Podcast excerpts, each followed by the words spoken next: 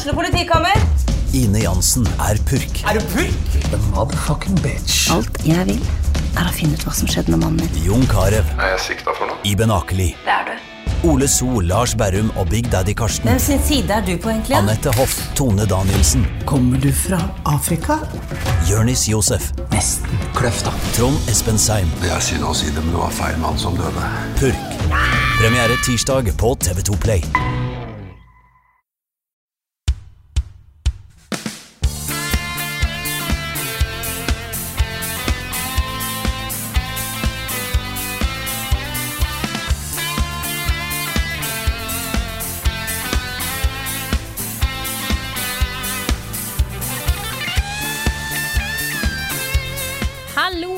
Sammen, og velkommen til en ja, men hva si helt vanlig endelig episode av podkasten Level Backup med meg, Frida Danmo. Med meg har jeg selvfølgelig Karl Martin Hogsnes og Rune Fjell Olsen. Hallo, folkens. Hei. Hei, Frida. Velkommen tilbake. Tusen takk.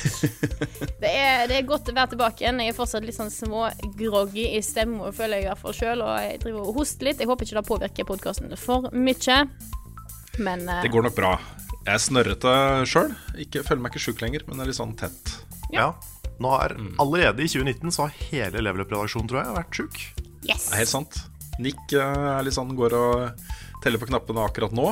Han skal egentlig være med til eh, Sandefjord. eh, Ja, jeg, jeg tenker jeg legger ut den podkasten her på torsdag, så vi kan jo si i dag. Bare sånn at vi ikke vi misser noen store nyheter på torsdag, for vi spiller inn denne på onsdag. yes. Eh, men da, fin overgang. Vi skal jo til Komplett på torsdag. Eh, altså i dag, klokka tre til ni, og streame Nintendo-spill. Nintendo Hot Food Challenge, Carl. Ja. Vi var litt innom dette her på, eh, på spilleuka Yes. denne uka her, men, eh, men jeg har ikke fått med, jeg har ikke fått med meg den delen. Nei. Nei. Jeg fikk med meg Nintendo-delen og tenkte oi, fett. Og så hot food. Det gikk Hot litt food. over huet på meg. Hvor hot food er det snakk om, Carl? Jeg vet Hvor ikke. Nei, det var ikke den sterkeste chilien. Nei. Det er liksom en, en hakk under. Jeg vet ikke forskjellen på disse her, men det er en som heter noe sånn et eller annet something something, og så en, en annen som heter noe annet, og så er det, det ikke den sterkeste av dem. Så det er ikke Carolina Reaper. Ikke Carolina Reaper, det var den ene av de, og så da er det da, er det da som regel en annen som er en god Ghost pepper, da. Ja, jeg tror det er Ghost Pepper. Jeg tror det er Ghost Pepper. Ja. Så um, Men uh, de, de eh, hevder, da, og det her er sånn Jeg tenker dette kan være for å lure oss, men de sier liksom selvfølgelig slår dere i level up oss eh, nybegynnere. Vi kan, jo ikke, vi kan jo ikke spille disse spillene her. Så selvfølgelig slår det oss. Jeg stoler ikke på det i det hele tatt. Plutselig så kommer de drassende med chillin' dude, ikke sant? Ja, ja. det er akkurat det. Så Nei, men vi får se. Uansett, da, så, så blir det hyggelig. Vi, øh, vi øh, Det blir jo en slags annonse, så vi må jo nevne at vi får betalt for å stille opp på den streamen. En slags liten sånn spons-ting. Som både er gøy, og som, øh, som vi tjener litt penger på. Så det, det blir en fin øh, torsdag. Ja, Liten reunion med komplett, rett og slett. Mm, Jeg har jobba med de før. det har vi. Så dette er da live på uh, twitch.com slash komplettkom. Twitch.tv. Selvfølgelig. Twitch.tv slash komplettkom med C. Eh, torsdag klokka tre til ni.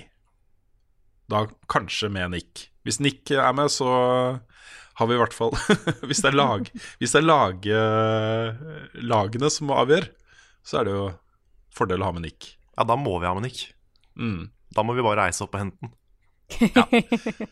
Jeg vil også bare nevne kjapt at hvis, uh, hvis ikke du har fått med deg den, så se den uh, topp 12, ble det da. Øh, spill i 2018-lista til Nick. Jeg syns den var en veldig fin sånn tverrsnitt av spillåret 2018 også. Mm. Utrolig bra. Ikke at ikke din liste var bra, og min liste var bra, men den er fersk.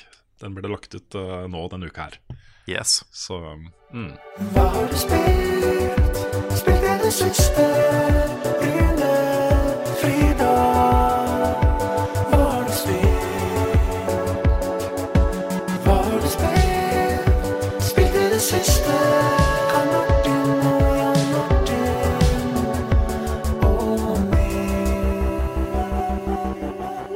Vi har jo spilt litt spill siden sist, så hvem har lyst til å begynne? Kanskje Rune? Har du lyst til å begynne? Jeg kan godt begynne. Jeg har ikke spilt så mye nytt. Um, Jeg har eh, fortsatt på veien og anmeldt det. Det var litt sånn som jeg mistenkte, litt kjedelig, dessverre. Dessverre. Det er et eller annet De har ikke helt naila uh, verken progresjonen eller følelsen av å styre verken fuglen eller gutten. Og da blir det litt sånn Ok, innimellom så blir jeg overvelda av sanseinntrykk. Veldig vakkert, veldig utrolig bra musikk og lydbilde. Men litt sånn ah, begynner å tenke på hva jeg skal lage til middag og, og sånt når jeg spiller. Og det er noe, det er ikke noe godt tegn, altså. Så um, et eller annet her. De burde ha hatt stramma det inn på en eller annen måte. eh, og finpussa det mer. Så kunne det bli skikkelig bra. Men eh, ja. Resten står eh, for så vidt greit i anmeldelsen, tenker jeg, så jeg skal ikke bruke så mye mer tid på det. Det jeg går og gleder meg til nå, er jo fredag. Resident Evil 2 og Anthem-demo på fredag. Det her blir litt av en helg, altså. Så ja, jeg tror det er eh, Ja, jeg vet ikke helt hva jeg skal spille av dem eh, mest, men eh, jeg gleder meg veldig til begge deler. Jeg er ordentlig gira i hele kroppen. Kanskje er du bare blir sittende eh, Nei, fortsett. ja, Kanskje du bare blir sittende mellom de to spilla og bare se fram og tilbake og bare Jeg Jeg gråter og ja. Ja. Og så har jeg et tips til deg, Frida. Ja, jeg er klar. Kjør på. Eh, på torsdag så kommer det et spill som heter Pikuniku. Oh. Som ser råbra ut. Det ser kjempegøy ut. Jeg setter det på lista mi. Gjør det. Mm. For det er vel eh, på fredag Ja, kommer litt spill på fredag. Ja, du skal vel spille Resident Evil 2 og Anthem-demoen på fredag, Carl? Det er vel da du skal gjøre på fredag? ja, det er det eneste jeg gleder meg til i januar. Ja, det er det, ja. Mm. Ja, Nei, Det er litt- kanskje, det er litt- kanskje Anthem. Uh, Resident Evil tror jeg kanskje ikke. Det ser bra ut. Demon er så bra. Den demon var så bra, altså. Jeg ble så gira på det spillet da. Ja. Ja, For det er, det er fredag som er release, er det ikke, Karl? Nei, det er tirsdag. Er det tirsdag? Hvorfor har jeg fucka opp datoene her noe helt sinnssykt? Hvorfor er det Jeg tror internett har betraya meg. Ja. Oi. Ja, nei, for det er, det er 25. i Japan, så kanskje du så på Japan. Der er det, vet du. Mm. Og i tillegg da, hvis du, hvis du tar nitallet, og så snur du litt på den streken nede, litt sånn rundt, og så tar du bort litt på Ja. toppen av, av den rundingen, liksom, så Ja. blir det jo en fem. Ja, det er sant. Og hvis du, hvis du tar Resident Evil og så stokker om på bokstaven, og så legger til et par bokstaver og tar bort et par, Ja, så, så får du Kingdom Hearts. du gjør faktisk det, altså. Ja, Det er helt riktig. det er det. Mm. Ja, det var det, var Ja, det en sånn overgang til meg? Ja, nå, for nå gikk jo hele eh, Altså min idé her nå om liksom legge opp til ting, det gikk jo rett i dass. For at hvis jeg, når jeg skriver inn Kingdom Hearts 3 i Google, min trofaste venn, så står det lanseringsdato 25. januar. Så Ja, er her eh, dårlig har Google. faktisk eh, Google svikta meg. Det syns jeg ikke er noe hyggelig i det hele tatt, egentlig. Ja, Google går ut fra at Jeg- vi alle sammen bor i Japan. Ja. Ikke sant? Jeg tok det som en sånn uh, bemerkning på at uh, Ok, det er mange som påstår at vi har ganske lik spillsmak. Ah, ja. Men liksom Resident Evil 2 og Anthem er liksom Det er meg. Ja, Uten tvil meg, ikke sant? ja, ja det syns jeg ikke vi har. Jeg syns ikke vi har så lik spillsmak. Nei, det er, vi har noen fellesnevnere, da. Ja, det har det vi, jo, det Vi har en del felles spill på topplistene våre for 2018. Men eh, cirka halvparten er jo forskjellige. Så Så nå, hvis, hvis du tolker joken min sånn, da, så var ikke joken helt, eh, helt lost. Men da, vær så god, Karl, da kan du få lov til å fortsette. Ja, det, er, det her blir en kort, en kort eh, spalte, tror jeg. For jeg har heller ikke spilt så mye. Det er jo, veldig, det er jo en veldig rolig januar foreløpig. mm. Så jeg har eh, prioritert å spille inn mest mulig hardcore-episoder, pluss at jeg har laga et, eh, et drittspillinnslag Hei! som nå kommer på kanalen i, i dag for, for oss, da, men kanskje i går for, for dere som hører på. Så det har gått mest tid til det, egentlig. Mm. Så ikke, ikke spilt så mye. Men jeg har jo eh, Jeg skal ikke prate lenge om det, fordi jeg har en egen serie. Um, men jeg sitter jo og spiller Kingdom Hearts 2, koser meg veldig med det. Og vil igjen bare si at hvis du er nysgjerrig på serien og vil hoppe inn et sted, så se en playthrough av en og Chain of Memories, f.eks. min, hvis du vil. For eksempel. For eksempel, og, og spill og begynn på to. Fordi to er kjempebra. Det er fortsatt dritgøy. Hmm. Hmm. Og det, da, da kan jeg si resten i, i Kingdom Hearts-ting som jeg lager. Det er, det- er det ikke digg å ha liksom Ok, du er superglad i en serie, og så kommer det et nytt spill. Du går liksom og teller ned og venter på at det skal komme. Det er liksom, Datoen er der. Det er liksom rett over helgen så kommer det spillet du har liksom lengta etter i så mange år. Det er en ganske kul følelse, altså. Det er det. Og det er jo ikke eh, kort tid jeg har venta heller. Nei, Det er 14 år. Ikke sant? Så dette er jo liksom Det, det er som å vente på Half-Life 3. Mm. Det er sånn, Jeg vet ikke hva, hva kommer folk til å føle hvis det er fem dager til Half-Life 3 kommer, liksom. Det er litt der jeg bor nå. Ja. Jeg tror det eneste Valve kan gjøre hvis de noen gang kommer med Half-Life 3, det er å bare lansere det. Ja. Mm. Uten Lett. noe forhåndshyping i det hele tatt. Ingen trailere, bare lanser det. Mm. Det er det, det, eneste det eneste jeg de de kan gjøre. Det er det jeg håper de gjør, men sannsynligvis så tror jeg de går i fire år og hyper det opp. Litt sånn som Kingdom Hearts har gjort. Altså, de hadde jo en policy det, vet du, når, mens de fortsatt lagde spill og, og holdt på med det. Så hadde de en policy om at ikke det skulle gå så lang tid fra de annonserte noe til eh, det skulle bli lansert. Og Half-Life 2, det var jo sånn de annonserte det, så skulle det jo komme bare noen måneder etterpå. To-tre måneder etterpå, tror jeg. Eh, og så skjedde jo den der store hackegreia med at noen stjal masse filer fra dem og sånt, og så ble det utsatt litt, da. Men uh, det var planen. Kan jeg, kan jeg ta en liten kjapp Kingdom Hearts-ting til? For jeg får veldig mange spørsmål om dagen. Ja, Det er lov. kjør på. Ok, ok. Fordi det er veldig mange som spør uh, på community og på mail og sånn. Sånn, hva er den beste måten å catche opp på? Hvis man ikke har tid til å spille alle spilla. Og det aller beste er jo bare å se liksom en playthrough eller se, en cuts, se cutscenes fra alle spilla i release-rekkefølge. Men hvis ikke man har tid til det, så går det an å se Game Trailers sin gamle Timeline-video, som heter Timeline Kingdom Hearts. Den er ikke helt oppdatert. Den mangler den eh, nye demoen, blant annet. Den eh, 0,2. Men Birth by Sleep. Ja, 0,2 Birth by Sleep, A Fragmentary Passage. Ja. A Fragmentary Passage. Yes, Den som Rune har spilt. Den eneste Kingdom Hearts-spillet jeg har spilt. Ja, den mangler den videoen. Men den er ganske kort. Så det er ikke krise. Og resten er veldig sånn bra produsert og veldig, veldig sånn chill å se på. Fortsatt ikke en veldig god måte å få den historien på, for du mister jo på en måte alt rundt. Du får jo bare, Det er som å, det er som å, det er som å begynne å lese den siste Harry Potter-boka og så bare satse seg inn i Voldemort, ja. på en måte. Det er litt sånn, men det, men det går. Så det, det er kanskje min Hvis du ser etter et sted, å- et sted å catche opp, så er det Den er under en time lang, så det går an å liksom sette på. Mm. Da er jeg ferdig. Yes. Da kan jeg ta over, og jeg innser nå at det er nesten tre uker siden sist jeg var med på å spille inn en podkastepisode. Fordi første podkasten i år kom jo litt Han kom jo andre uka. Vi spilte den en uka før, så jeg var sjuk. Og jeg har spilt veldig lite 2019-spill, ikke at det kom så mange ennå.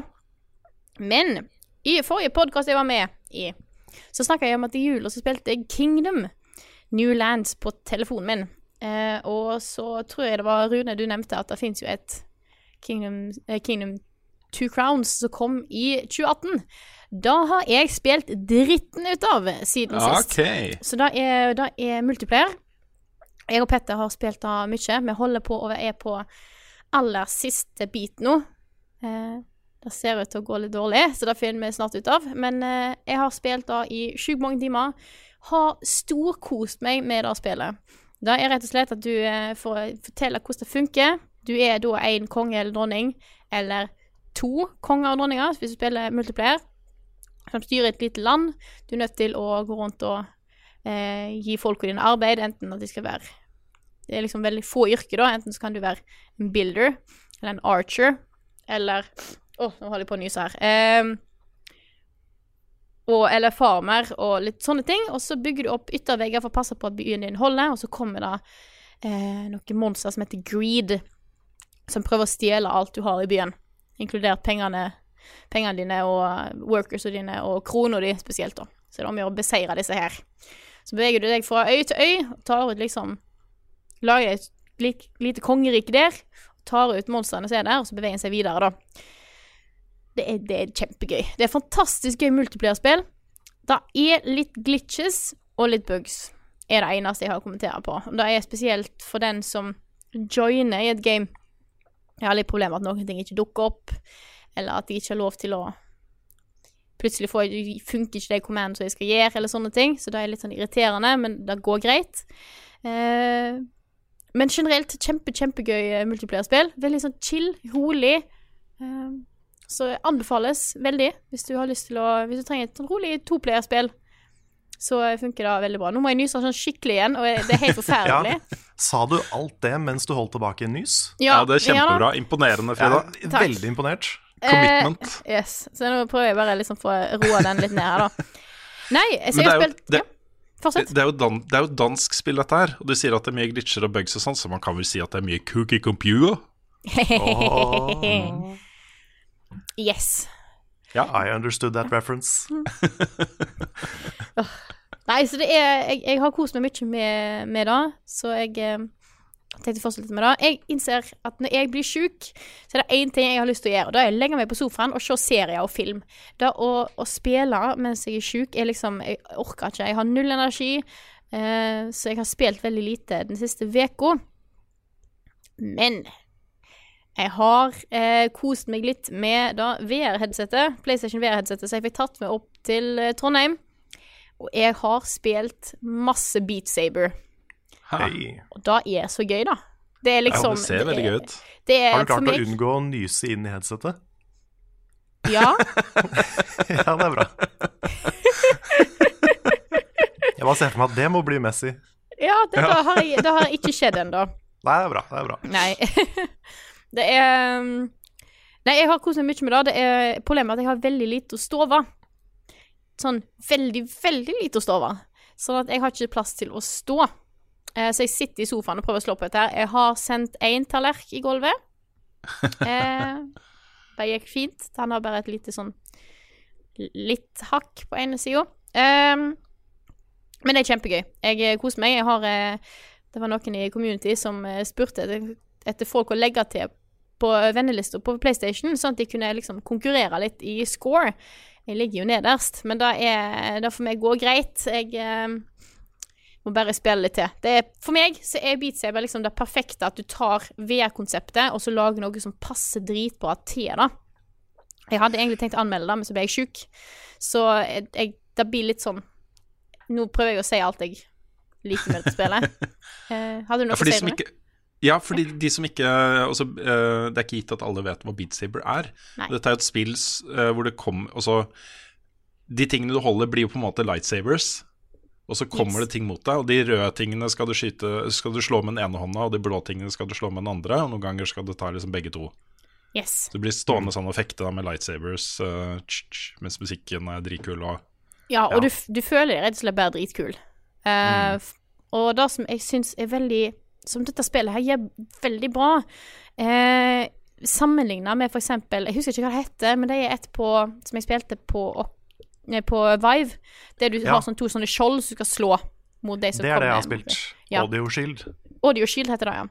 Da er jo autogenerert, så du kan legge til hva sanger du vil, og så på en måte hente den ut liksom hvor rytmen er, og sånn, så sender den ting mot deg. Det som er fordelen til Beat Saber, er at alle sangene som er med der, er på en måte Alle levelsa er laga og lagd for den sangen. Eh, så istedenfor at det er bare autogenerert, som ville kanskje, ville kanskje blitt litt clunky her, så er alt ekstremt flytende. Hvis du skal opp på den ene tingen, skal du ned på den neste. Så det er måte det er veldig intuitivt, alt gir veldig mening, fordi alle disse, disse firkantene som kommer mot deg, har en retning du skal slå an. Enten liksom mot venstre eller mot høyre, eller opp eller ned, eller på skrått. Uh, og hvis det hadde vært tilfeldig, så hadde det blitt veldig sånn der vifting med hendene opp og ned, men det føles veldig sånn faktisk veldig elegant. mm, Fordi alle, alle levels er faktisk uh, på en måte laget for den sangen. Og jeg vet at noen er litt misfornøyd med at du kan ikke legge til egne sanger, og at eh, sangbiblioteket så, mm, eh, i hvert fall nå er litt lite. Og da kan jeg være enig i. Men eh, dette spillet her har veldig godt av at du ikke kan legge til egne sanger, for den autogenererte tingen tror jeg kanskje Det ville ikke vært like bra. nei. Så jeg gir skryt for at alt er så godt laga. Det er, det er ordentlig, ordentlig eh, Det føles gøy. Det føles godt å gjøre dette her, og det føles på en måte intuitivt og riktig. Du sier at du, du føler deg kul og sånt når du spiller det. Jeg tror ikke du ser så kul ut, Frida. Nei, jeg Når du sitter der i sofaen og veiver. Ja, nei, da, det det er, viktigste er hva man føler. Ja, Ikke det sant? er det jeg òg tenker. Heldigvis så sitter Petter på, på kontoret vårt eh, og ser ikke at jeg holder på med dette her, da. Så det kan jeg sitte i sofaen og være litt sånn awkward for meg sjøl. Mm. Annen ting som jeg bare nevner. Prøvde å ta opp gameplay fra Beat Saber. Og da Nå, nå er det så mange kabler og, og ekstra bokser mellom PlayStation min og TV-en at da var, da var jo håpløse greier. Fordi enten så får jeg bilde på TV-en, eller så får jeg bilde på datamaskinen, eller så får jeg ingen av plassene.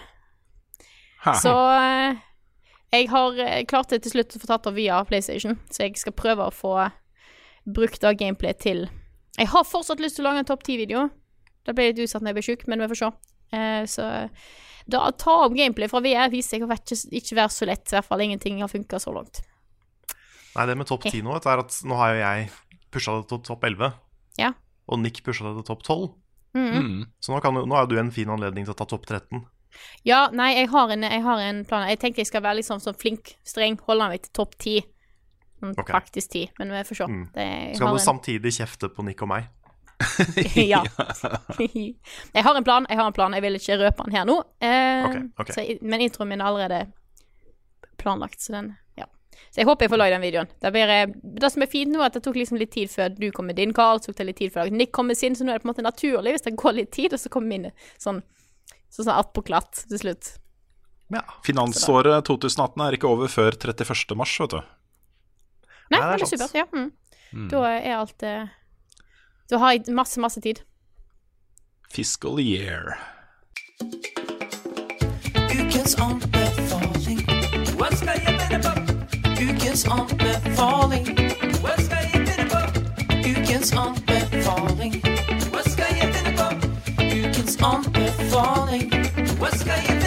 Nå har jeg vært borte så lenge at jeg holdt på å glemme hva som kommer først av anbefaling og nyheter. Og så tenkte vi ikke på at jeg som regel alltid glemmer at det er anbefaling før nyheter. Men nå skal vi ha anbefaling, og det er jeg skal komme med den. Og dette er en litt interessant anbefaling. For dette er jeg som viderefører en anbefaling jeg fikk Eller har fått av noen andre. Nemlig eh, selveste kaptein Zalo Tarjei. Han eh, sendte meg en melding og anbefalte meg NRK sin serie Magnus. Og da er en fantastisk serie. Den er, holder på å gå nå. Jeg tror det er tre episoder ute nå. Jeg tror den fjerde kom på fredag. Eller så er det femte. Det er i hvert fall ikke så mange episoder ennå. Som er en fantastisk hysterisk, morsom sci-fi-absurditet. Eh, som handler om en utrolig dårlig politietterforsker eh, som havner opp i litt veldig mange rare situasjoner. I tillegg så driver han og lager en del oppfinnelser. Han har blant annet en, eh, en robot som ikke kan gjøre noe annet enn å prøve å bestemme kjønnet til folk. Så tar han feil eh, hele tida. Og så har han òg lagd en, eh, en sånn disguise-enhet-ting som han kan bruke da på etterforskning, tenker han da. Det er en kommode, så han på en måte da kan gjemme seg inni. Så ja. Det, det er veldig mye rart, og det er kjempeabsurd. Og det er utrolig festlig, og det er veldig gøy å se at en norsk serie gjør sånne ting, fordi at det, det, det er utrolig festlig, utrolig gøy. Og det er veldig mye rart som skjer. Så jeg anbefaler den på det sterkeste. Jeg har kost meg masse med den, så jeg gleder meg liksom til hver episode hver fredag. Så det er masse gode skuespillere. Det er han Å, hva er han heter? Dette burde jeg sjekke på forhånd. Han var ond i en barneserie for noen år siden, og så vet jeg at han har snakka om at da han gikk på skulle hente ungene i barnehagen eller skolen, så gikk alle ungene og skrikende vekk for at han var skummel. Uh, dette burde jeg sjekke på forhånd. Dette er er han slem i Snøfall? Ja, er det ikke det, da? Han, det. eh, han heter eh, Jeg har det oppe nå, skal vi se. Ja. Oi, oi, oi. ja. Dette er god, eh, dette er god eh, Her er bra radio, ass. Ja, kjempebra radio. Vidar Magnussen. Selvfølgelig. Vidar Magnussen Ja. er det, som, eh, som har hovedrollen som Magnus. Han gjør en strålende karakter her. Så det er masse teite eh, karakterer, masse teite situasjoner. Fantastisk serie, så anbefaler jeg å sjekke ut den. Den ligger på eh, NRK eh, nett-TV. Tilgjengelig for, eh, for alle i Norge. Så bare til å slå seg løs.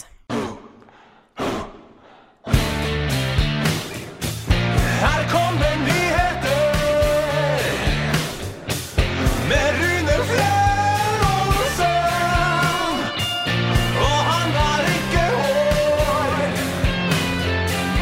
Her kommer nyheter.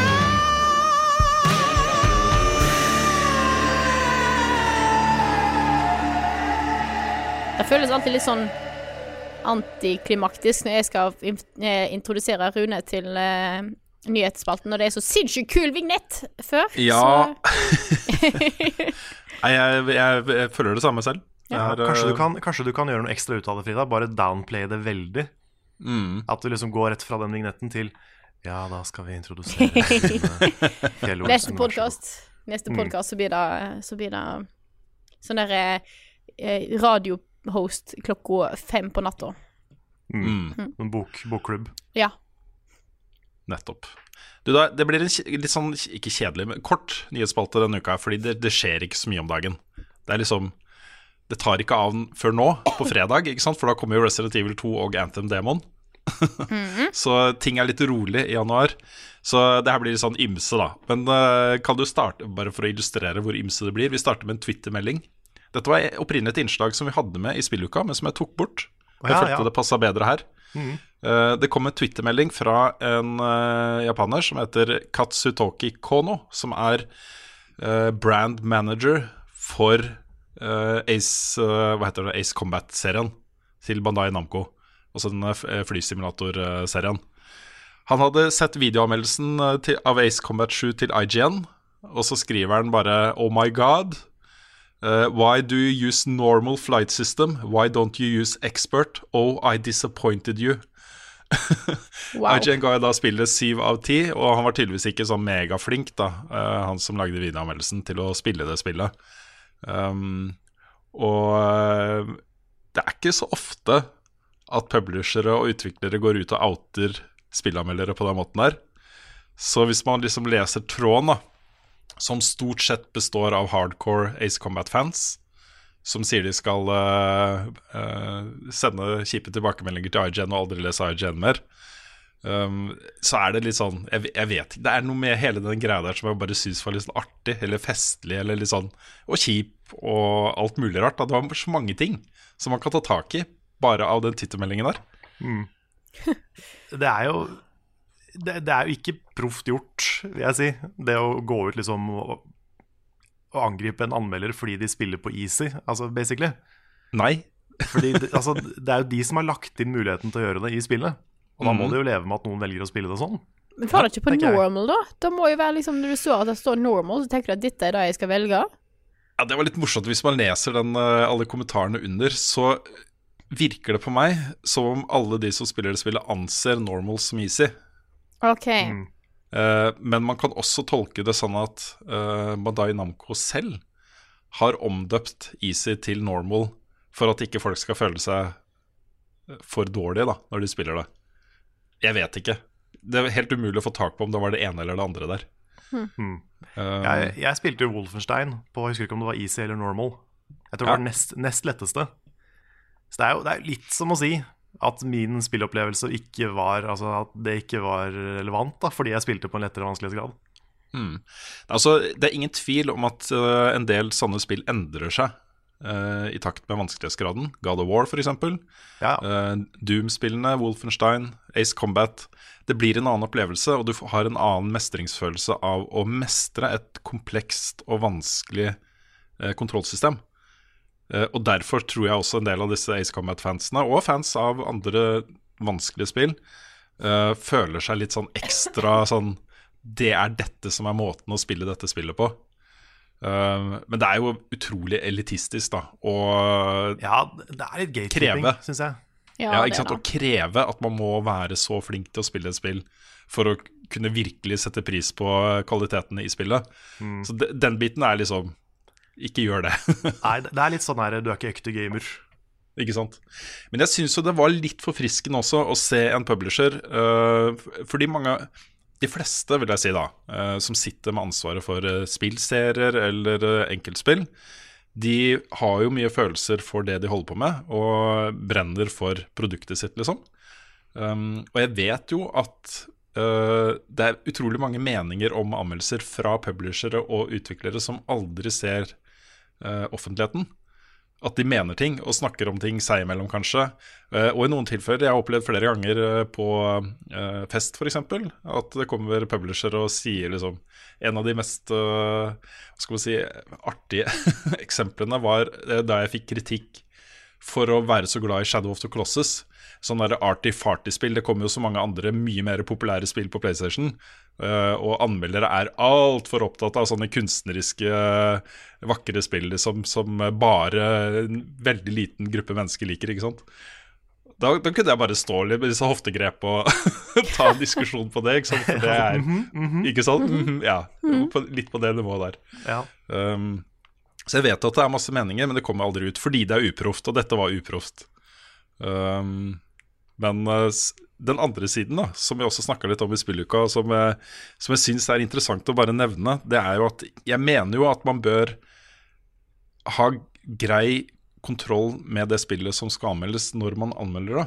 At man ikke er helt uh, Helt fjerna fra innholdet i spillet ved at man ikke får det til.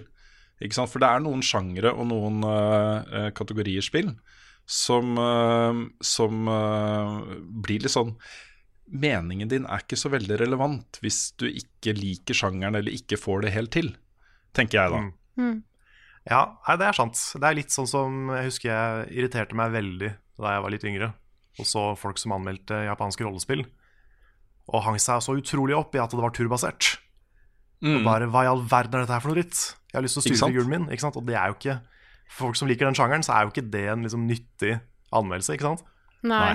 Så jeg skjønner jo den delen. Men samtidig, da. Hvis man informerer om det i anmeldelsen, og bare sier at dette er mitt første forsøk på den serien her, eller den sjangeren her, eller bare er helt åpen om hvor lite man vet på forhånd, Mm. så kan det likevel være en, altså en relevant take da, for de som er i samme situasjon. Altså Bandai Namco var jo på Oslo-tur uh, tidligere i vinter, og da var jeg jo innom et hotellrom her i Oslo og spilte Ace Combat 7. Og var sånn det, det som er litt tingen med den serien, er at det ser ut som et heftig spill å spille. Å sette seg ned med og styre jagerfly og skyte ting, liksom. Det ser ganske heftig ut. Men det er ganske nærme simulasjon. Uh, og på de høyere vanskelighetsgradene så vil jeg si det er simulasjon. Og jeg, jeg fikk det ikke til, liksom. Jeg knota, og det er ikke uten grunn til at Det er ikke uten grunn at jeg ikke anmeldte. Og når jeg ser liksom alle de reaksjonene altså Vi hadde hatt horder, horder av Ace Combat-fans eh, innom, eh, innom eh, tråden på, på videoen hvis jeg hadde lagd den videoanmeldelsen også. Så eh, ja. Det er jo for så vidt en relevant mening, det også. Hvis du ser tra en trailer av det spillet og tenker 'åh, heftig'. Sånn poengtere dette er ikke Arkade-kontrollsystem, liksom. Dette er simulasjon. Eh, og du må bruke jo ganske mye tid for å lære deg det systemet for å uh, få ordentlig glede ut av det. Da.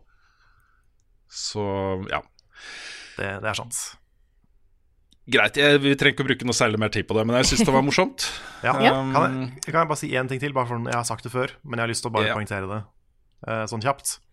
At det er veldig lett å, å hate IGN, fordi de er liksom en, en veldig stor, veldig corporate side med, med anmeldelser. Og anmeldelsene deres er veldig sånn Det er ikke så veldig tydelig hvem som har skrevet de. Det står der, men det er veldig sånn liten skrift, og det er liksom ikke frem, fremme av hvem det er som står bak. da Mm. Men det er fortsatt liksom masse flinke folk som brenner for spill, som jobber der. Og det er også litt viktig å huske på det, tenker jeg. At det er, liksom, det, er mye, det er mye flinke folk som jobber i IGN. Det er ikke sånn at IGN er en stor, sånn slem ting. Det er, det er en stor side, men det er mye bra folk også. Ansetter kun folk som, folk som hater spill. Ja, Ja, ikke sant? sant. Ikke Skal ødelegge spill. Ja. Så bare, jeg, jeg syns det der hatet mot IGN går litt langt noen ganger. Jeg syns det blir litt tåpelig noen ganger. Ja, ikke, ikke legg så utrolig mye vekt på én enkelt anmeldelse heller. Liksom. Det er én persons mening om et spill. Uh, Det, er, ikke- altså, det fins mange meninger om spill. Det var en av dem. På en måte. Ja, altså for all del, kritiser anmeldelser som er dårlige. Det, det skal du absolutt få lov til. Men, Yes. uh, men litt sånn her blindt, litt sånn her shit-talk om én side syns jeg er litt rart. Det, det er litt Ja. Vi får snakke om noe litt mer hyggelig, eh, f.eks. mikrotransaksjonene i Trials Rising.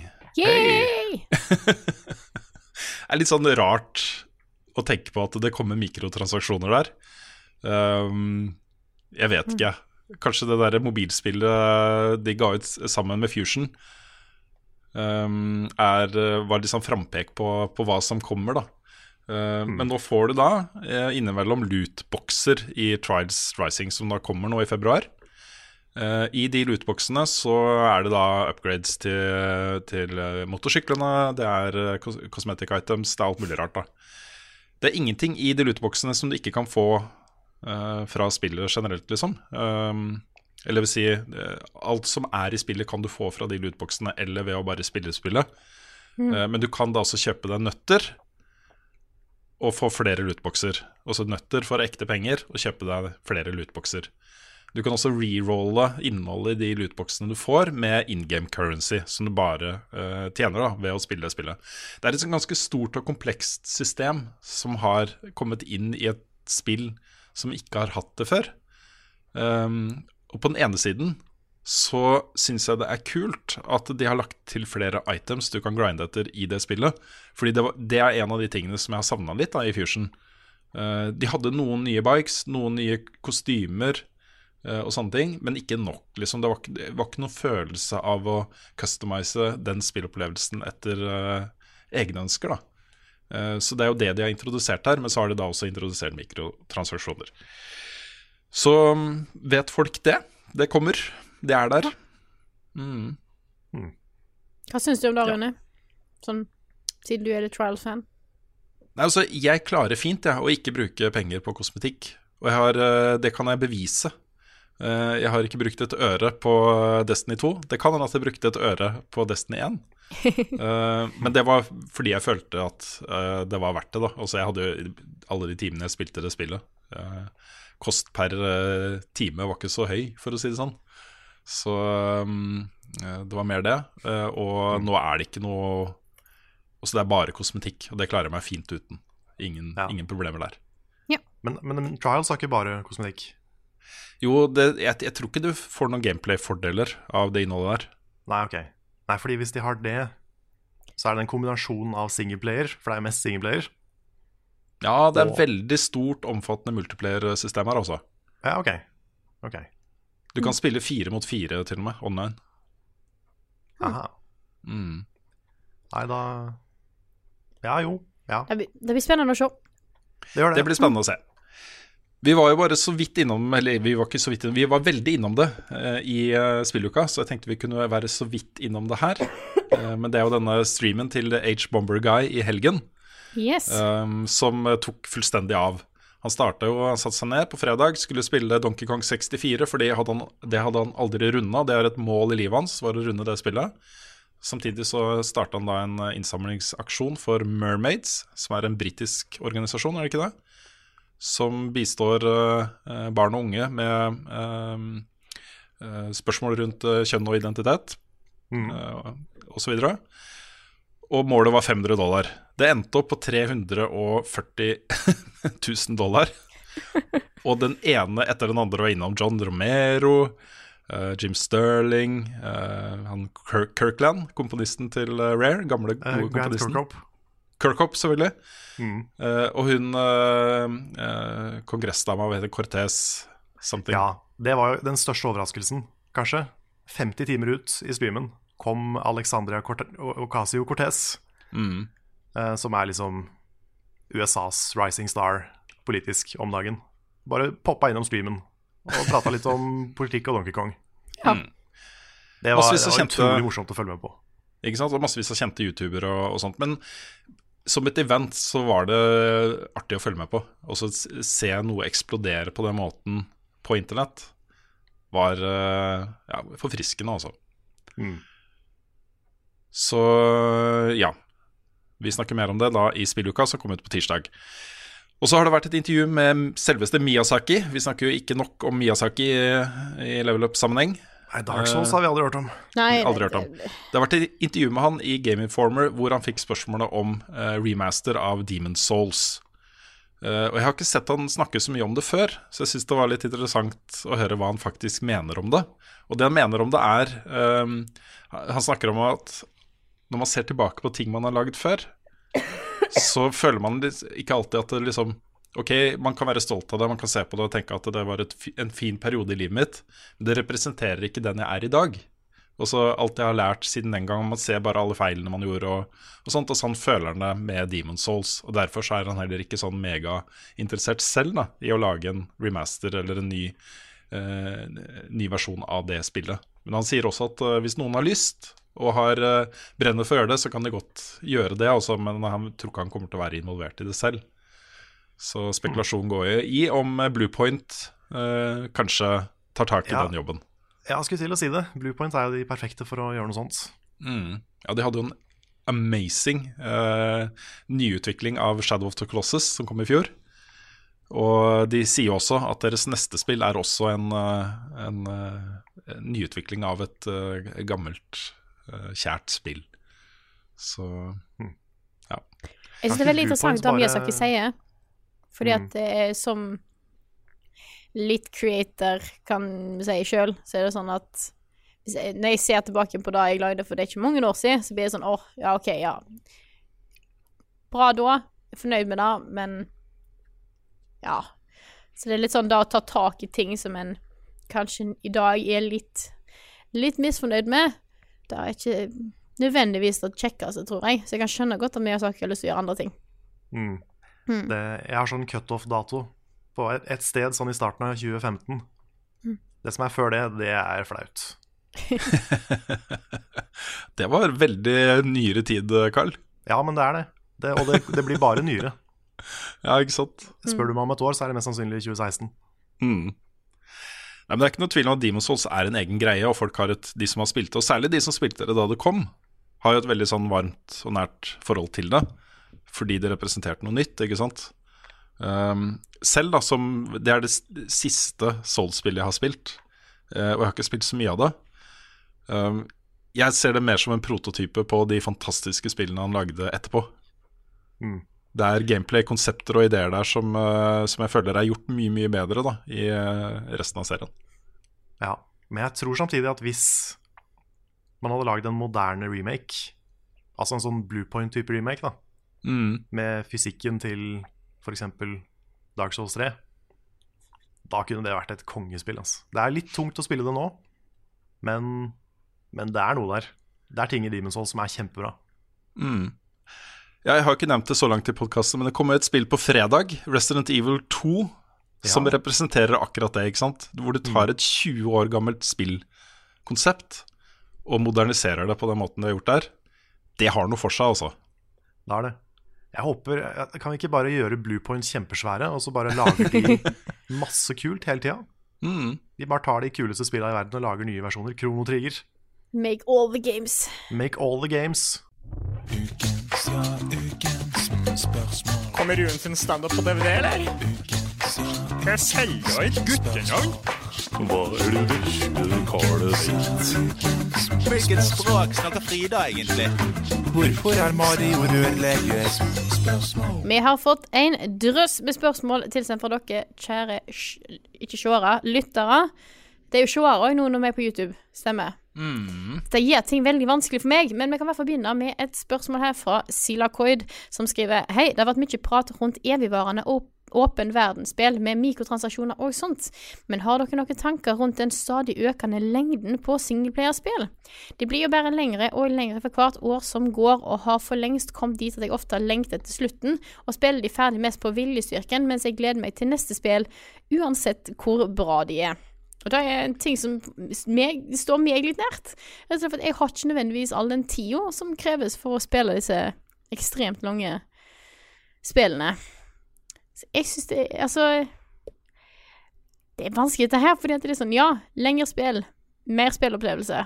Men hvis du mister masse folk som ikke har tid til å spille de, er, er det verdt det?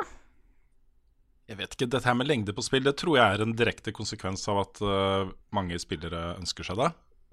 At øhm, Det er derfor du ser spill som Witcher og Breath of the Wild og Red Dead Redemption osv. gjør det bra, da. Fordi folk føler de får ordentlig verdi for pengene. Og det har blitt et slags krav fra spillere at har du en åpen verden, har du uh, den type spill som ikke leverer en tolv timer lang historie, liksom, da blir du skuffa, ikke sant? Ja, det er sant, det. Var, var det Devil May Cry som fikk pepper for det? Ja, det kan tenkes. Ja, for det var sånn, det kom en historie om at det er, det er 15 timer lang story. og folk bare 'Det er altfor lite'! Ikke sant?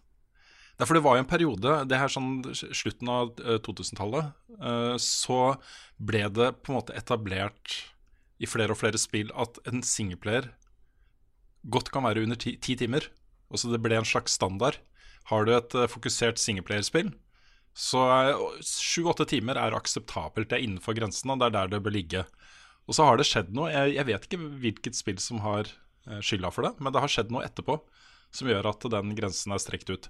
Det med sånn seks-syv timers lengde, eller til og med tre-fire timers lengde, er jo ikke Altså, det eksisterer jo fortsatt. Og det er massevis av veldig bra spill som er korte. Eh, og det er også massevis av spillere som foretrekker den, den type spill. Men det, det, jeg tror det han tenker på, er liksom Triple A blockbuster-sjangeren. De spillene som du har ikke sant, Som har de feteste trailerne, som du har godt å glede deg til, som er en oppfølger, en serie du elsker. Uh, som, som er liksom det store da, som alle snakker om. Det er, jeg tror det er den type spill som har blitt veldig beefy, altså. Ja, det er helt sant. Ja. Og det er litt sånn Det jeg føler, er at noen spill Noen spill er veldig gode på dette her. Um, det er lett å trekke frem, frem Persona 5, som har en over 100 timer lang story. Men så er det andre spill som bare sånn Ja, vi er nødt til å være lange. La oss putte inn ekstremt mange sidequests.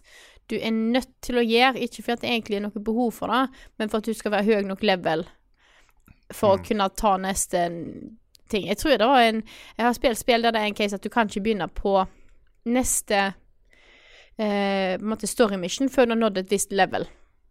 Mm. Så da må du gjøre masse sidequests for å komme videre. Noen spill kan da være bra. Noen spill kan da virke utrolig slitsomt og unødvendig. Jeg husker Xenoblade Chronicles X hadde veldig gode sidequests som ga deg måte innsikt i hele kulturen i, i den byen du var. Så da likte jeg det veldig godt. Andre ganger så er det bare sånn Jeg gidder ikke hente en ny pinne, men jeg må. Mm. Det er litt sånne ting, da. Ja, jeg er enig. Det handler liksom For meg så handler det mer om kvaliteten på det som er der, enn lengden. Sånn mm. hvis spillet er langt, men stappfullt av sånne intetsigende sidequests, så er det jo ikke gøy. Da blir det sånn grindy og kjedelig, og der, da blir det et tiltak å fullføre historien hvis du må gjøre det. Mm. Men jeg syns Spiderman hadde en ganske fin balanse. For der, der var det ikke sånn at du måtte gjøre en del uh, sidequests. Du kunne hvis du ville, men du kunne også fint bare følge storyen.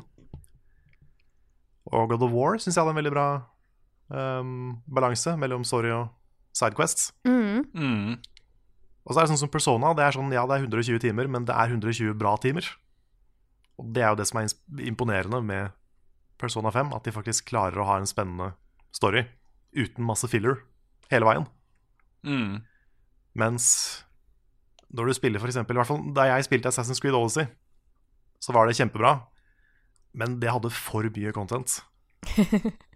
Det var sånn, det er kanskje rart å si at noe har for mye content, men det var sånn Det var så mye at det ble litt stressende og litt Mm. overveldende.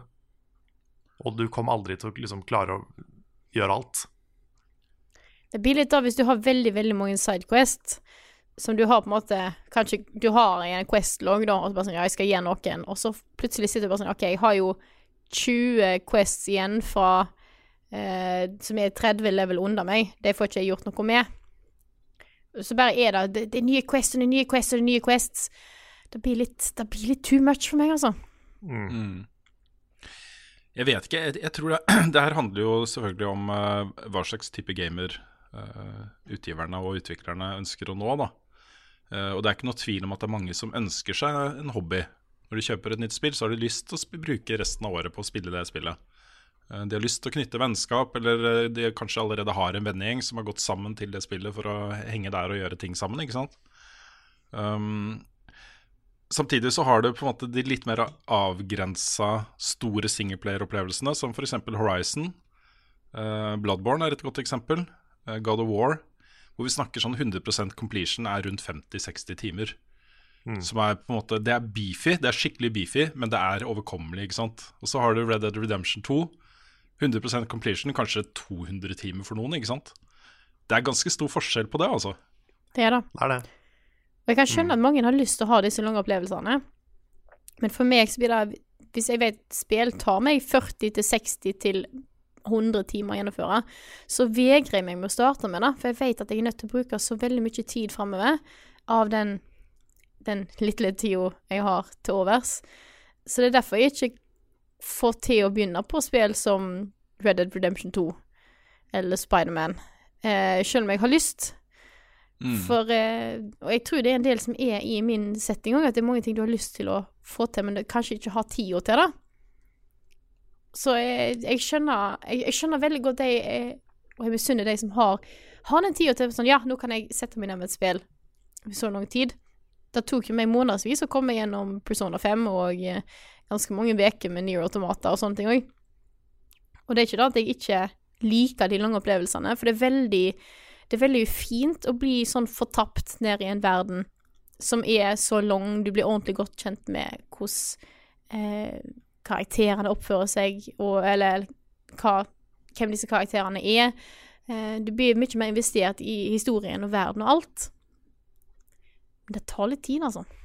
Mm. Ja da. Jeg tror du er inne på noe viktig der, Frida. For jeg tror det, det handler mye om den der lengselen etter fantastiske verdener. Det å være en del av en, en uh, verden som er liksom noe fullstendig fjernt fra den egen. Da. Virkelighetsflukt og uh, det å drømme seg bort i fantasiverdener er veldig tiltrekkende. Veldig, veldig tiltrekkende. Og um, jeg, jeg tror vi ser litt begynnelsen på en ting vi har snakka om tidligere også, som går på dette her med virtuelle verdener og hvor mye tid vi kommer til å tilbringe i virtuelle verdener i fremtiden. Da. Det er mm. et eller annet med oss. Vi lengter mot det. Mm. Absolutt. Ja, det, Det er en grunn til at det var så ekstremt mange som hadde lyst til å være en del av Avatar-filmen da den kom. Da snakker jeg ikke om Da å snakke om James Cameron-filmen her. Mm. Eh, Mm. For det er noe med sånne fantastiske verdener, da, at liksom, du, du får noe helt annet. Du kan være en annen person, kanskje. Sant? Du kan eh, Det er noe drømmende ved det. Det er det. Mm. Apropos, apropos så anbefaler jeg Jenny Nicholson sin video om Avatar Theme Park i uh, USA. Det er en fantastisk video om en rar theme park. Men um, det jeg skulle si eh, Det jeg håper at spill gjør framover det, er li- det er litt sånn, føles litt sånn teit å si eh, at spill må respektere spillerens tid, men liksom At hvis en fetch quest om å hente fem planker ikke egentlig gir noe til verken verden eller historien eller noen ting, så håper jeg de kutter det. Ja. Fordi det er ikke noe vits at det er der, hvis det bare er der for å hale ut tida. Det tror jeg ikke egentlig noen har lyst på, selv om de kanskje tror de har det. Mm. Ja, det er litt da. Så Nei, bare liksom, er- ikke, ikke, la, ikke la noe være lenger enn det trenger. Ikke sant? Nei. Og Noen ganger så er det 120 timer, andre ganger så er det kanskje 10. Ja, ikke Ja. sant? Så det, det er greit. Det, er i hvert fall, det burde være greit. Jeg vet at noen, noen er sinna når noe er ti timer, men det burde være ok. Ja, og så kommer man seg gjennom et 100-timersspill også. Det er liksom 50 dager da med to timer om dagen. Mm. Mm. Man kommer seg gjennom, Ja da. Ja da. Hvis det, er bra, hvis det er bra nok, så gjør man det. ikke sant? Det er ikke noe, det er ikke noe stress å komme seg gjennom Persona. Altså, det tar tid, men, men det, er ikke, det er ikke kjipt. Det er kjempegøy. Mm. Mm. Så tar det òg all annen tid, og når du er våken, så tenker du bare sånn hva, kan jeg, hva kan jeg gjøre for å oppe alle statsene, sånn at jeg kan gå på daten med Koto? Det er på en Ja. måte Ja. Mm. Hvordan skal jeg få nok charm til å på dra på date med læreren? Mm. De viktige tingene i livet, altså. Ja. Yes. Nei, skal vi hoppe videre til neste spørsmål her, eh, kanskje? Det kan vi gjøre. Ja. Jeg har fått et uh, dilemma her, Carl, til, til meg og deg. Oi. Det er fra Magnus Siem som skriver Dilemma til Carl og Frida. Mario og Sonic henger på kanten av et stup, og du kan bare redde en av de. Hvem blir det? Og så skriver han til Rune. Da er det Arthur Morgan og Kratos. Hva sier du, Carl? Det mm, Jeg velger å si at det er jeg, kan, jeg velger å komme med et luresvar fordi ingen av de tar falling damage. Bortsett fra jo, Mario tar falling damage. Sonic gjør ikke det. Så redder jeg Mario fordi Sonic ikke tar falling damage. Åh, Jeg- så utrolig feigt. Ja. Så Jeg- utrolig feigt, Carl. I know. Jeg tar Mario, og det er fordi at eh, Sonic og hele franchisen har allerede kasta seg langt ut forbi det stupet for lenge siden. Så Det er sant, det òg. Ja. Det er sant, det òg. Yes, Rune, har du et svar? Um, ja, jeg har jo egentlig det, da, men uh, det svaret er litt sånn Jeg, kan ikke si det. Um,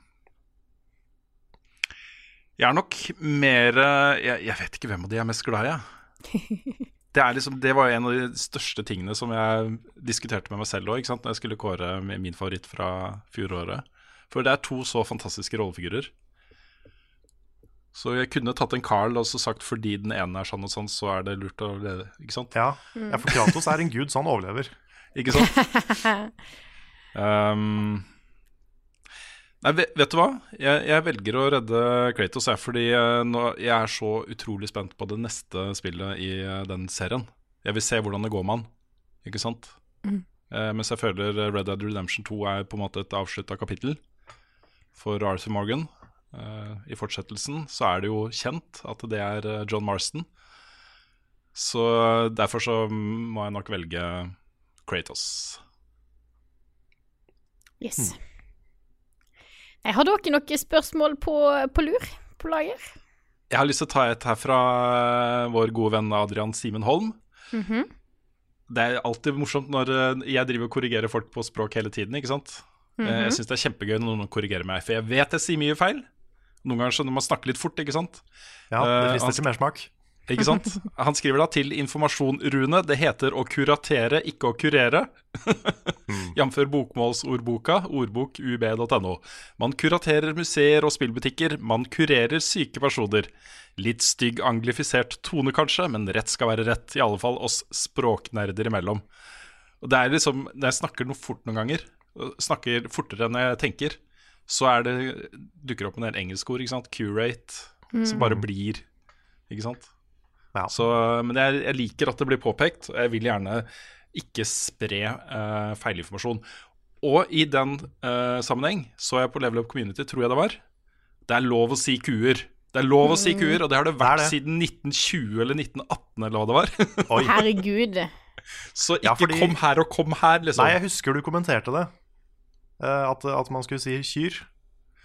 Men, men, men det tror jeg det er Nei, det er lenge siden, altså. Ja, det er 1918 tror jeg det var. Ja, Det jeg, har aldri, jeg har aldri blitt arrestert på kuer. Nei, altså jeg eh, videreformidlte Jeg, fikk den beskjeden fra noen, jeg husker ikke hvem det var engang, som korrigerte meg. Hmm. Så ble jeg litt flau, da. At, å, jeg følte meg litt dum som hadde sagt kuer når man skulle si kyr, liksom. Ja, kanskje de var fra 1918, da. Kanskje Ja, de var fra 1918. Så takk, eh, takk for oppklaring, Adrian. Det, jeg setter faktisk stor pris på det. Jeg syns ikke det er noe altså, det er litt flaut, da, men eh, det- jeg, jeg tar, det ikke ille opp i det hele tatt. Det er bare bra. Akkurat det med kuer syns jeg er litt festlig, fordi det er en ting som eh, veldig mange fra Stordog sier, vet jeg. Sier kue. Um, så jeg har fått litt sånn Litt sånn kommentarer på det innimellom. Men nå vet jeg at det er korrekt, og da er det, da er det beste. At jeg vet at jeg gjør ting eh, kor korrekt. Men har det også vært en ting med høner og høns? At det ene ikke var lov før? Det må være lov å si høne. Ja, det, ja, det er det. Det må det være. Men, men kanskje før så var det sånn at du bare fikk lov å si høns?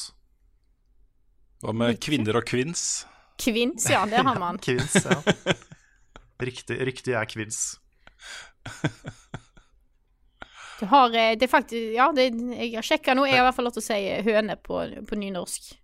Ja, det er, det, er, det er kvinner, kvinna, kvinns og Har kvunnet. Har kvunnet.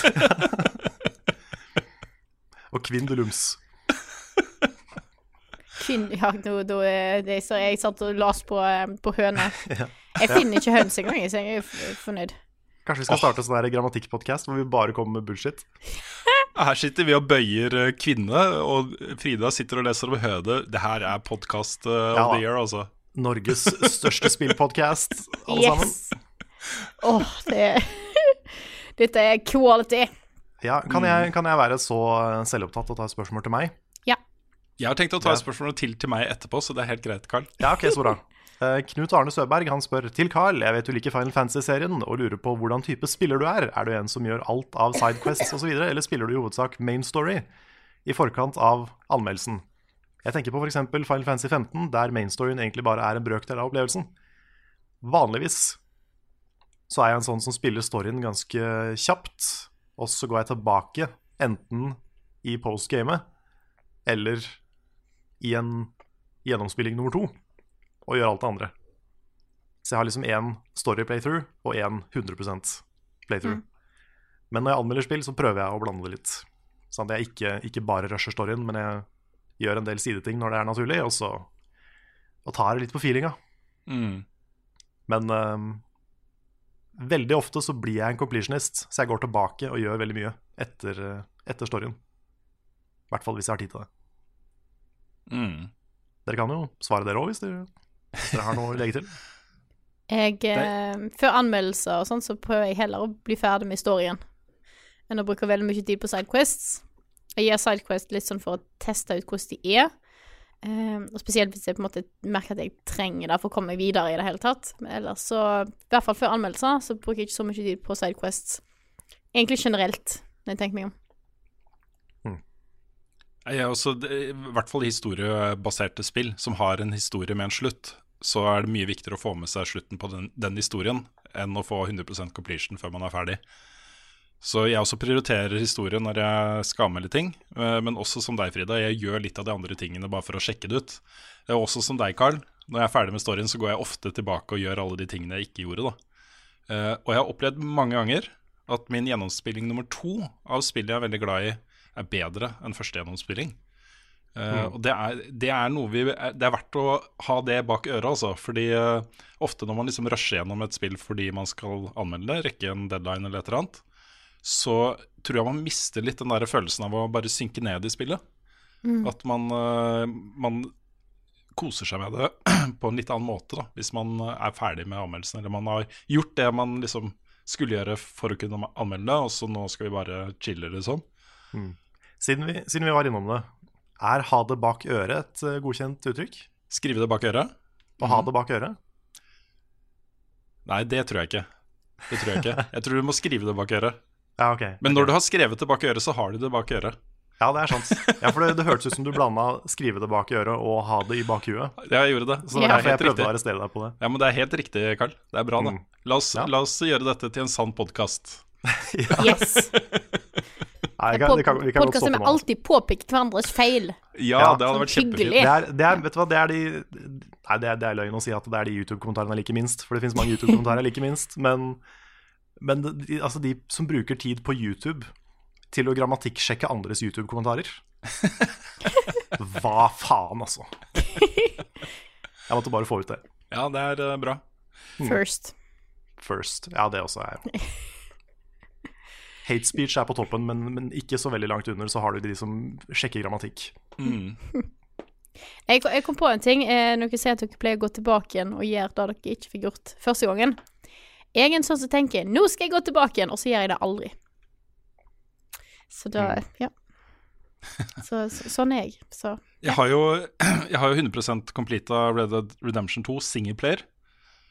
Men i multiplayer, også Red Dead Online, har jeg bare kommet til level 7 eller 8 eller noe sånt før jeg la det bort. Mm. Så, så det er litt sånn Det ligger en platinum og venter på meg der. Men uh, jeg orker ikke å spille det ennå. Det må bli bedre om jeg er ferdig først. Så, Men det å gå tilbake da og gjøre alle de tingene som jeg ikke hadde gjort i, eh, i det spillet, var bare helt amazing. Og et annet spill som, eh, som vokste voldsomt, når jeg kunne bare gjøre alt av sidequests og leite etter ting og osv. Dishonored. Dishonored 1 likte jeg utrolig mye bedre andre gjennomspilling. Det samme gjelder for så vidt også Dishonored 2. Eh, så jeg har opplevd det mange ganger nå også. Det er eh, stilig. yes. Hadde du spørsmål, Rune? Jeg har et til meg fra Thomas eh, Tenhold Vannebo. ehm, som eh, skriver La oss nå si at Destiny blir helt perfekt siden Activision er ute av bildet. Så blir spillet akkurat det fansen ønsker seg, og hvordan ser da Destiny ut? Uh, og det som har gitt meg litt sånn håp for fremtiden til det spillet, er jo at Bungie selv har sagt at de ønsker å gjøre det mer Altså legge, legge til flere rollespillelementer. Og er det én ting jeg virkelig ønsker meg fra det spillet, så er det jo den, den miksen av dritbra gunplay og action og bevegelser og våpen og alle de tingene der. Og litt mer sånn dybdefokus på karakteren din og, og sånne ting. Den miksen er jo det som gjør det bra i dag. Og Hvis du hadde hatt enda mer customization, enda flere klasser, eh, muligheter til å bygge på perk trees, eh, flere muligheter til å eh, justere våpnene dine osv., osv., det, det er det jeg ønsker meg. Jeg vil ha det nærmere Witcher 3, på en måte. Enda nærmere. Mer av det. Flere dungeons. Ja. Ja. Jeg sier som jeg alltid har sagt, helmetless mode. Jeg klarer fortsatt ikke helt å se det for meg. Altså, du er ute i kamp mot folk som, ting som skyter på deg, og så velger du å gå uten hjelmen din som beskytter hodet ditt. Ja, men du har den på deg, men den syns ikke. det er, at dette, er, dette er MMO 101, altså. Ja, men det, jeg klarer ikke å komme over det. Altså. Det er en for stor baug for meg. Ja, Har du jeg- jeg- sett kvinnelig armor i en del eh, MMO-er? Ja da. Ja. Ja da, jeg har det. Mm. Jeg så en herlig video. Det er noen som har lagd en sånn live action-sekvens hvor eh, det kommer først en mannlig karakter inn til en by. Og har gjort et eh, kult oppdrag og får rustningen sin. Og det er jo den tøffe rustningen med svære skuldergreier og sånt. Og så kommer det en dame og han som skal dele ut NPC-en, da. Skuespiller-NPC-en som skal eh, dele ut reward. Han er sånn Er du sikker på at du vil ha den rewarden her? Ja, skikkelig flau og sparker i grusen og sånn. Så kommer han med den bitte lille bikinien. ja, så er det nipple ring of truth. Ja. Det er, det er litt sånn, altså. Eller i hvert fall det har, det har kanskje blitt bedre, jeg vet ikke. Eller har det ikke det? Jeg tror det er litt bedre. Håper jeg, kanskje. I don't know. Maybe. Ja. Det er lenge siden jeg har spilt sånn type type spill. veldig- Ja, kommer sikkert veldig an på spillet. Ja, det tror jeg òg. Jeg tror du har litt i begge retninger. Ja. Mm. ja, Final Fantasy 14 er morsomt der, fordi der har liksom menn også veldig sånne skimpy rustninger. Mm. Så jeg fikk jo en sånn der straight up sånn tanga en gang. Det var, veldig, det var veldig gøy å bare løpe rundt i tanga i det spillet. Det var faktisk ganske morsomt. Mario løper rundt i badebuksa. Ja, ja. Mm. Det er sant. Mario har fått, uh, fått skimpy outfits. Ja. Mm. Men jeg har, jeg har et spørsmål til her. Ja, kjør på. Fra Martin Herfjord. Han spør hvilke podcaster hører dere på, og vil anbefale. Det er Martin Herfjord er jo da han som er en av de to som har lagd de kule vignettene våre. Yeah. Mm. Åh, Herlig nys, da kom det nyset som jeg har venta på i fuckings over en time nå. Da, var, var fint. Nå er jeg fornøyd. You Åh, fought long and hard. Mm. Oh, yes. Podkast var det vi snakka om, ja? Mm. Jeg hører sporadisk på eh, de norske som vi eh, er i familie med, vil jeg jo nesten si. da Lolby og Radcrew. Mm. Um, en ny podkast som jeg begynte å høre på nå. nå da har jeg, jeg har mye å gå gjennom der, så det kommer til å ta tid før jeg er på de ferske. For jeg klarer ikke å begynne på den siste episoden, selv om det ikke er noe sånn derre Altså um, Du må ikke ha hørt den forrige for å kunne nyte den nye. De snakker om nye ting hver gang. Men jeg tenker, da får du ikke med deg utviklingen deres. ikke sant? Hvordan det programmet har utvikla seg over tid. og og sånt. Da da går du på en måte tilbake i kvalitet, føles det som. da, ikke sant? At du starter på toppen, og så blir hver episode du hører, blir litt dårligere. Det er sånn jeg tenker i hodet mitt, men det stemmer jo ikke da, selvfølgelig. For dette er proffe greier. Men Reply All det er jo en sånn podkast som veldig mange anbefaler i veldig mange sammenhenger, så det er ikke noe unikt med det, men den er dritbra. Og den uh, tar jo for seg internett og teknologi, men veldig ofte litt sånn abstrakt. Altså Den snakker om hvordan teknologi og internett og uh, smarttelefoner og sånt påvirker mennesker. Så de tar utgangspunkt i hendelser da um, som har skjedd med folk uh, tilknytta teknologi. F.eks. en av de episodene jeg hørte på, en av de første, så var det en tjeneste hvor du kunne sende folk beskjeder. Ikke via tekst eller bilde eller direkte, liksom, men den beskjeden gikk da til en person som hadde registrert seg på tjenesten, som dro på døra til den personen og leverte beskjeden. Så den, den episoden handla da om en sånn hendelse som hadde skjedd, hvor de hadde fått tak i både avsender, mottaker og han som hadde overlevert beskjeden, for å snakke om den interaksjonen der, ikke sant. Um, den er veldig, veldig, veldig bra og interessant.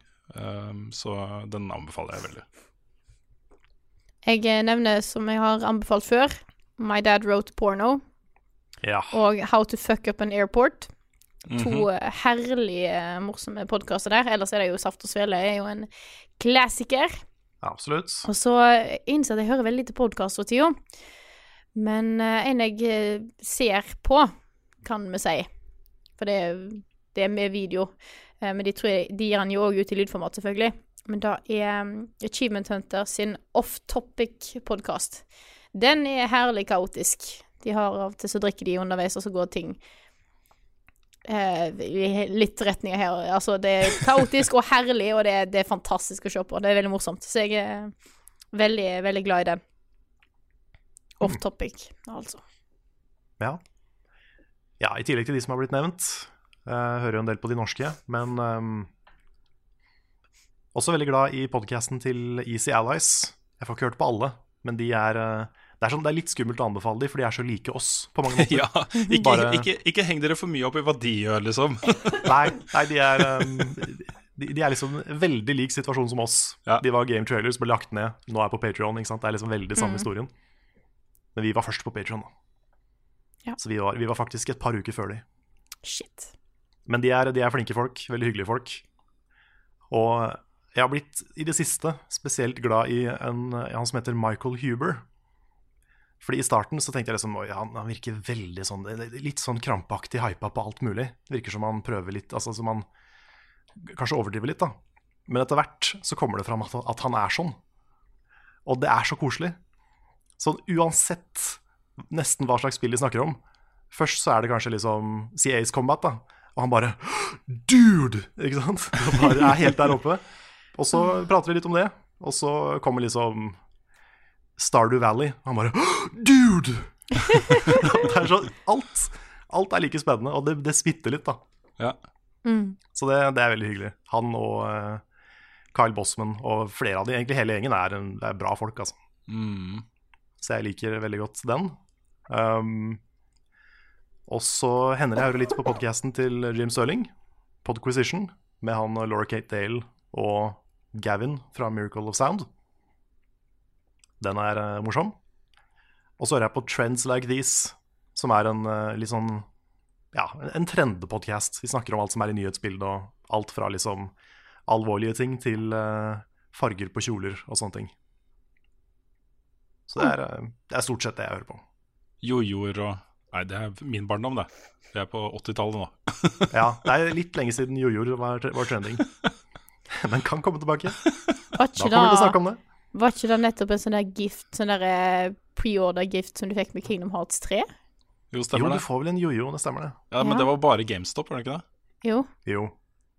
Det er sånn, altså Preorder-bonuser er noe dritt, men jeg setter pris på at det bare er ræl. ja. Jeg må jo eh, komme med en liten innrømmelse også. Jeg har jo gått til det skritt å øh, øh, bli kunde, medlem, av øh, EA Access Premiere. Som jo er den uh, um, Premiere-tjenesten deres, abonnementstjenesten. Du betaler 149 kroner i måneden eller 1000 kroner i året, og fri tilgang til da hele biblioteket. Og det er jo med tanke om at hvis Anthem er dritt, så kan jeg melde meg ut etter to måneder og bare betalt 300 kroner for det.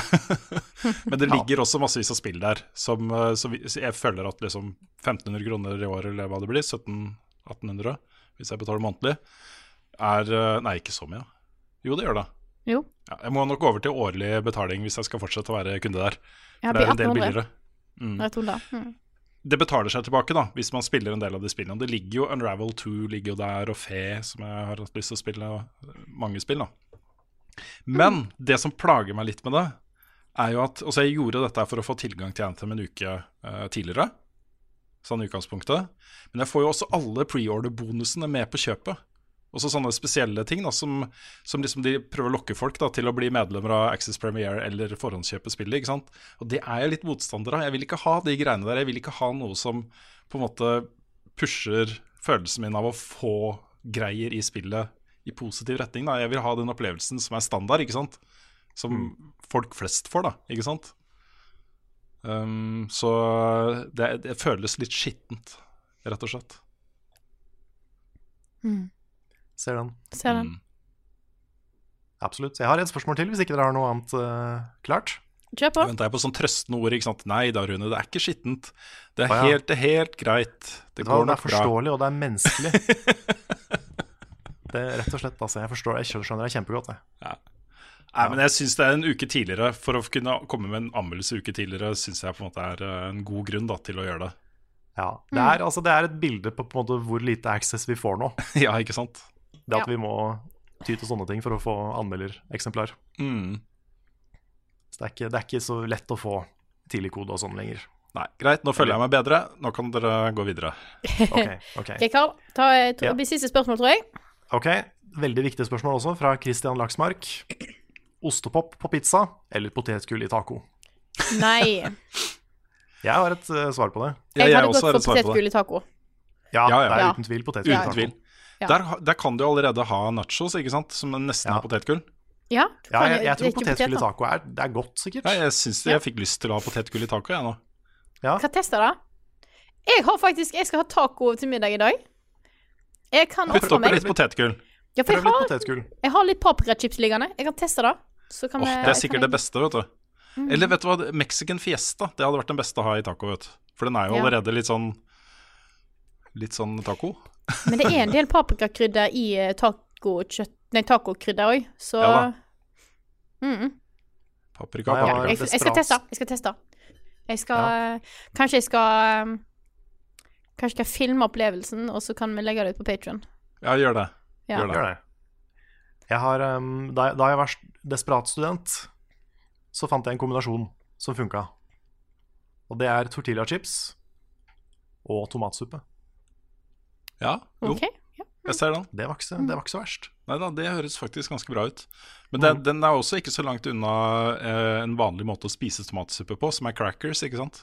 Sånne, Nei, sant. som er kanskje litt mer salte, da. Um, Ja, ja, fordi hvis du har en litt sånn tjukk tomatsuppe mm, med litt makaroni, kanskje noe egg i, hva, hva enn du liker, og så kanskje bruke liksom tortillachips som litt sånn sidemat, ikke sant? Du kan bruke det som skje.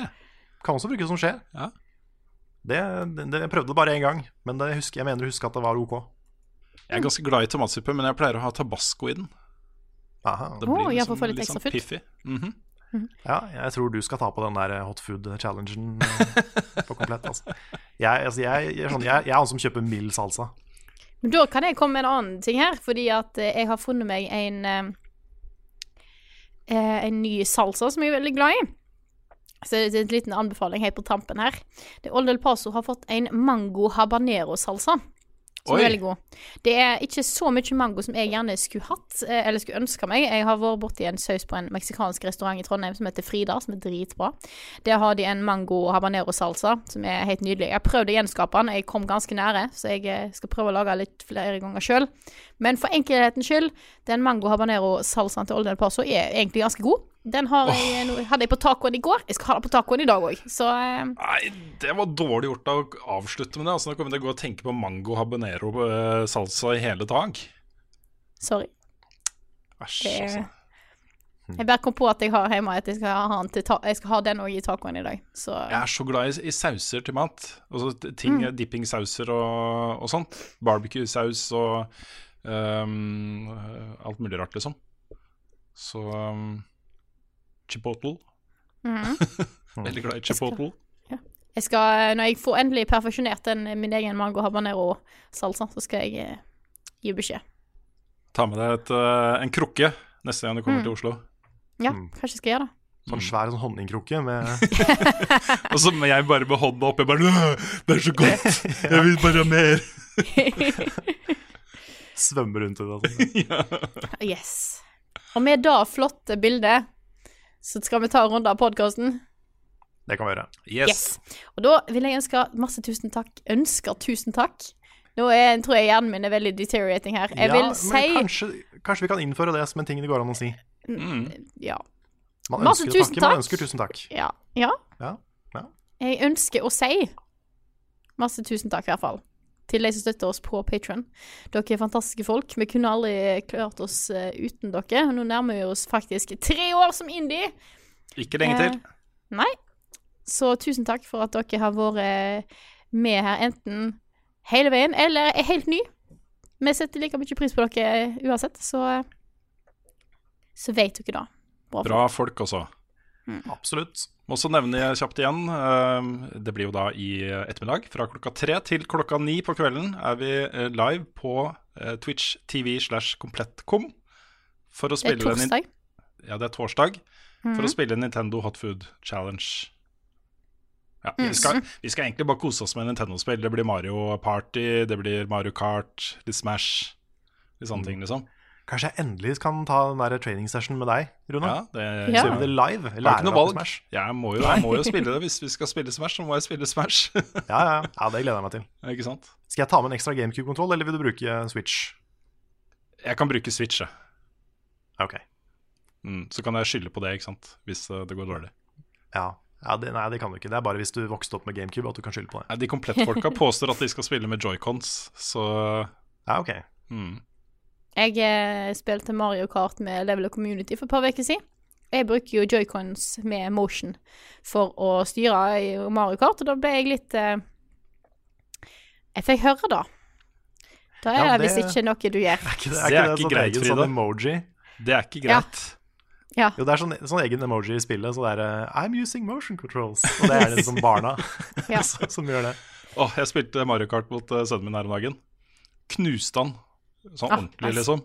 Og så oppdaga jeg litt for sent at jeg hadde jo også på sånne eh, bevegelses... Eller sånn motion controls. Eller så, ikke Ah, ja, motion sånn. controls, men sånne der, som hjelper deg da gjennom svinger og sånt. Å, ja. Ja, ja, sånn der eh, Assisted swing, Jeg Ja. sa ikke noe til sønnen min om det. Åh, Tenk, vet du hva, om ti år så hører han på den podcasten her Ja, ja. og blir så skuffa. Ja, jeg hadde slått han uansett, da. Men uh, kanskje ikke så overlegent. Nei, nei. Jeg hadde ikke dag, vet på ikke. Jeg hadde ikke på sist. Jeg hadde, jeg bruker kun motion controls. Jeg spilte så, vi spilte så mye at jeg faktisk nå har jeg fått sånn gullratt på online-kontoen min, som viser at jeg har spilt masse med motion. controls. Damn. Nå snakker vi så mye at vi nesten kunne bare ønska velkommen til en episode av podkasten Level Backup med meg, Frida Danmo. Og med meg har jeg selvfølgelig Karl? Martin Hogsnes og Rune Feil Olsen.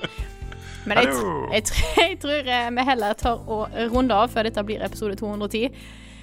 Så sier jeg tusen takk for at du har hørt på en episode av podkasten vår. Takk for oss. Og så snakkes vi igjen neste uke. Take it away, Kyoshu Orchestra.